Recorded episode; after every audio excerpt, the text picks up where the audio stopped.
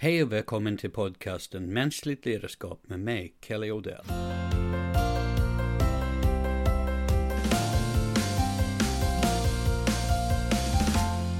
I den här episoden av podcasten tänkte jag reflektera lite runt hur begreppet tillhörighet har påverkat resultatet i det amerikanska presidentvalet.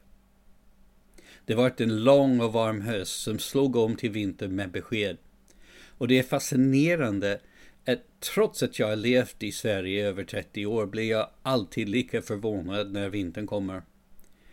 Och av att döma av det kaos som vädret har orsakat verkar jag inte vara den enda i landet som har varit överraskad. Märkligt nog blir vi ofta överraskade av förändringar trots att det finns tydliga tecken på att något är på gång. En av de förändringar som har överraskat mig allra mest på senare tid är att Donald Trump blev vald till president i USA.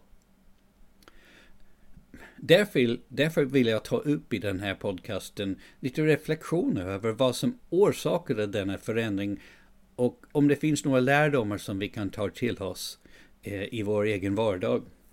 I min bok Mänskligt ledarskap, 10 budord för den ofullständiga ledaren, presenterar jag en modell som beskriver de viktigaste begreppen för individens motivation och gruppens förmåga att prestera. Presidentvalet har berört samtliga av dessa begrepp. Det amerikanska folket är knappast enig om ett gemensamt syfte med landets politik eller inriktning. Det faktum att många väljare känner att deras åsikter egentligen inte spelar någon roll är ett tecken på avsaknad av autonomi eller en känsla av påverkan.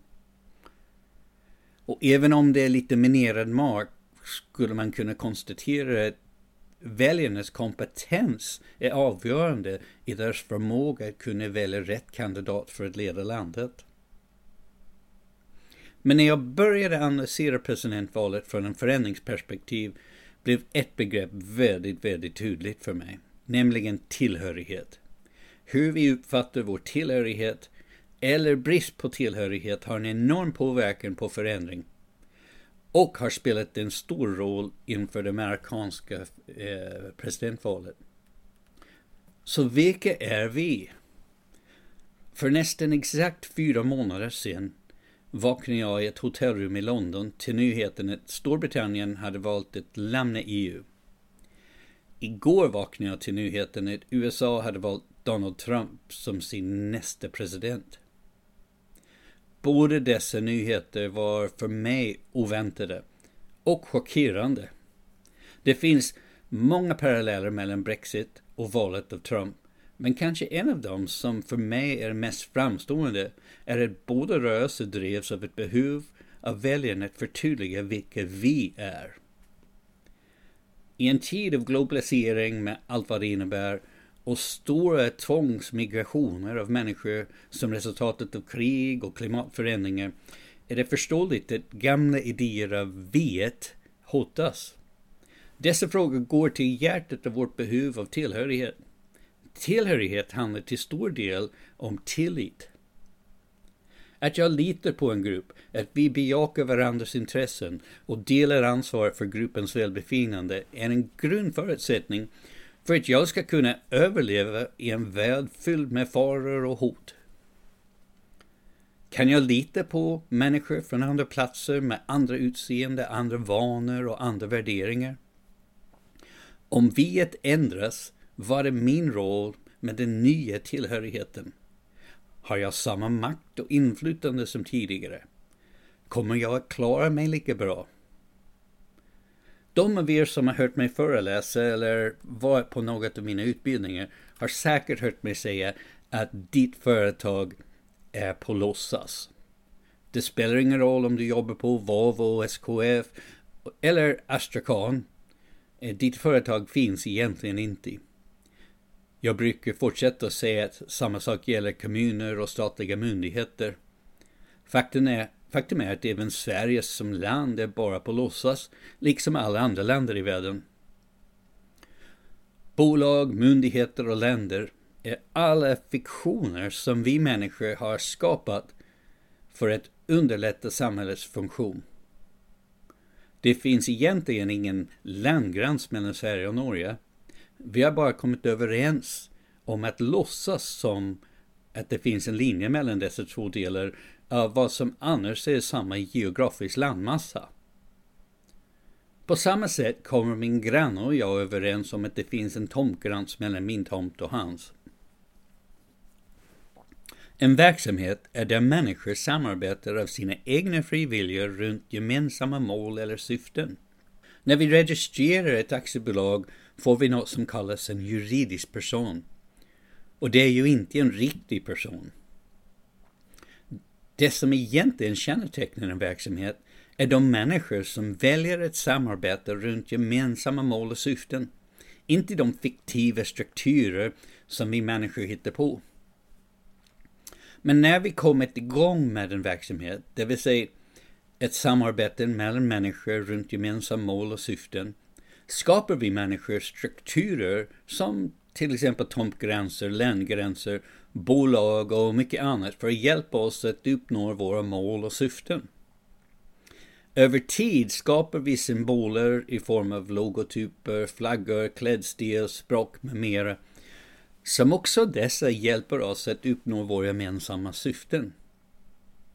I mitt arbete får jag möjlighet att träffa människor i många typer av verksamheter. En sak man märker direkt när man kommer till en eh, ny verksamhet är att de har sitt eget fikonspråk eller egen jargong. Jag får ofta be någon att stanna upp och förklara vad ABK, GAS eller DAP betyder. Detta är exempel på hur en grupp börjar skapa ett eget språk, eller åtminstone en dialekt av ett språk, som har sitt ursprung i att effektivisera kommunikationen, men som sedan leder till att hjälpa oss att identifiera oss med vår grupp. Samma sak ser man med klädstilar och klädkoder. I ett land sker samma saker. Som gammal engelsk koloni blev engelska huvudspråket i USA. Men med tid utvecklade USA sin egen dialekt av språket och med mer tid blev det många olika amerikanska dialekter. Man kan känna igen en amerikan på sin dialekt. Eller kan man? Jag hör ofta svenska ungdomar som pratar fantastisk engelska med en amerikansk dialekt. På samma sätt har jag fått en liten konstig svensk dialekt när jag pratar engelska efter över 30 år i Sverige men jag är fortfarande amerikansk medborgare. Paradoxalt nog har jag en svensk dialekt när jag pratar engelska och en tydlig engelsk brytning när jag pratar svenska. Så vad är problemet? De stora förändringar i samhället som hotar min känsla av tillhörighet skapar en förståelig motreaktion för många. Det är frestande att greppa tag ännu hårdare i de unika egenskaper som definierade våra gamla tillhörigheter. Ett uttryck för detta är en ökad nationalism, som vi ser i många länder. Enligt Wikipedia är nationalism en världsåskådning som tar sin utgångspunkt i gemenskapen inom nationernas gränser. Nationalism hyllar nationen, kulturen, historien och slår vakt om nationalstaten och dess intressen.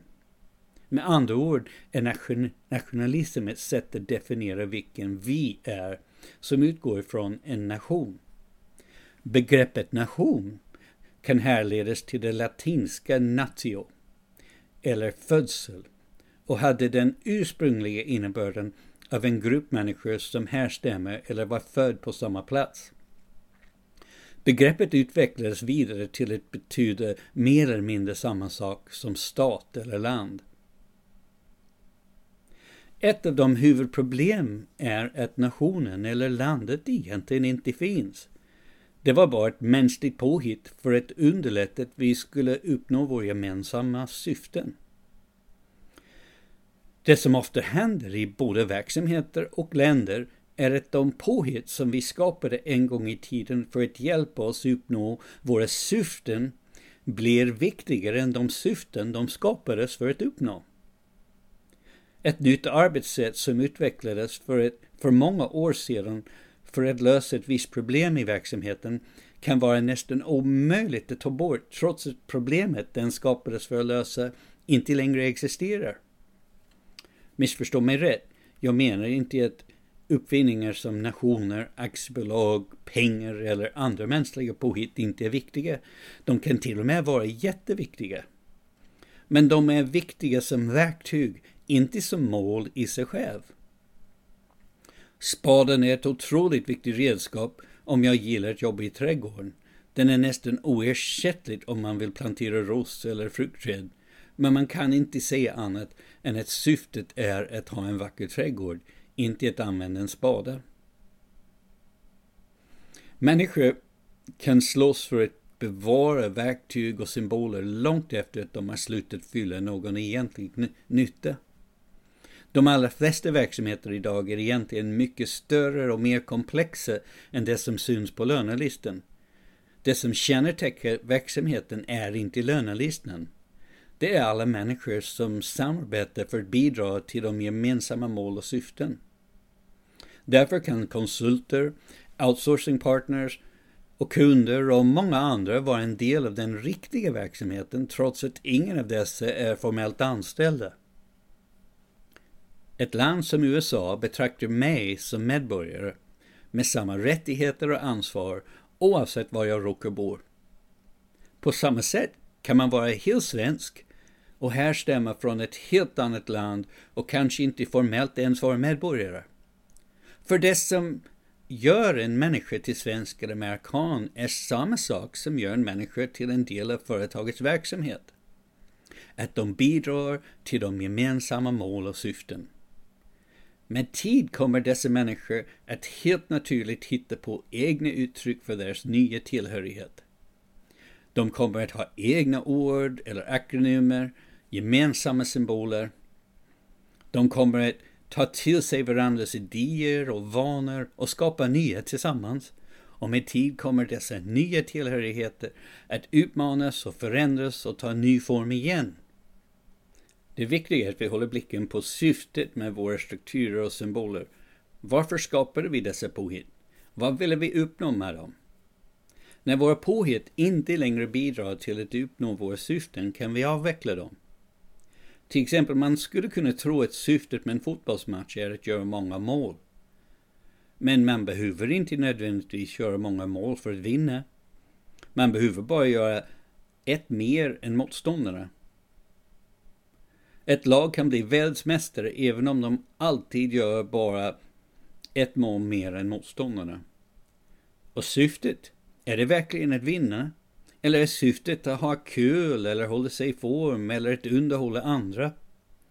Att vi skapar spel med vinnare och förlorare kanske bara ett påhitt för att göra det hela mer spännande och mer underhållande.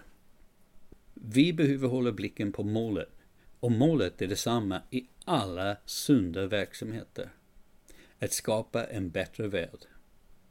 Frihet, människans rätt och behov av att styra över sitt eget öde, att delta i styrandet av sitt land eller sin arbetsplats är viktiga principer. Det skapar välbefinnande, trygghet, stabilitet och ökad produktivitet. Ökad frihet leder till en bättre värld. Länder och verksamheter är viktiga redskap för att hjälpa oss skapa en bättre värld, men de är inte målet i sig. Av de företag som var viktigast i samhället för hundra år sedan är det inte många som är kvar.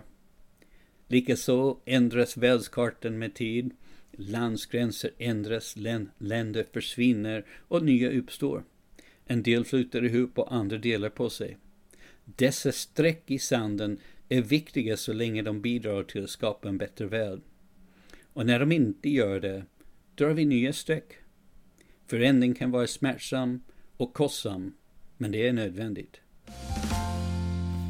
Nu skulle jag vilja ge dig lite tips för hur du ska bättre klara av förändringar när det gäller människors tillhörighet. Det första steget är att definiera syftet med din verksamhet. På vilket sätt är världen bättre eller blir bättre av att ni finns? Ibland kan ett annat sätt att uttrycka det att ställa sig frågan på vilket sätt skulle världen bli sämre om vi inte fanns? Steg nummer två. Var tydlig med syftet med eventuella förändringar. Steg nummer tre.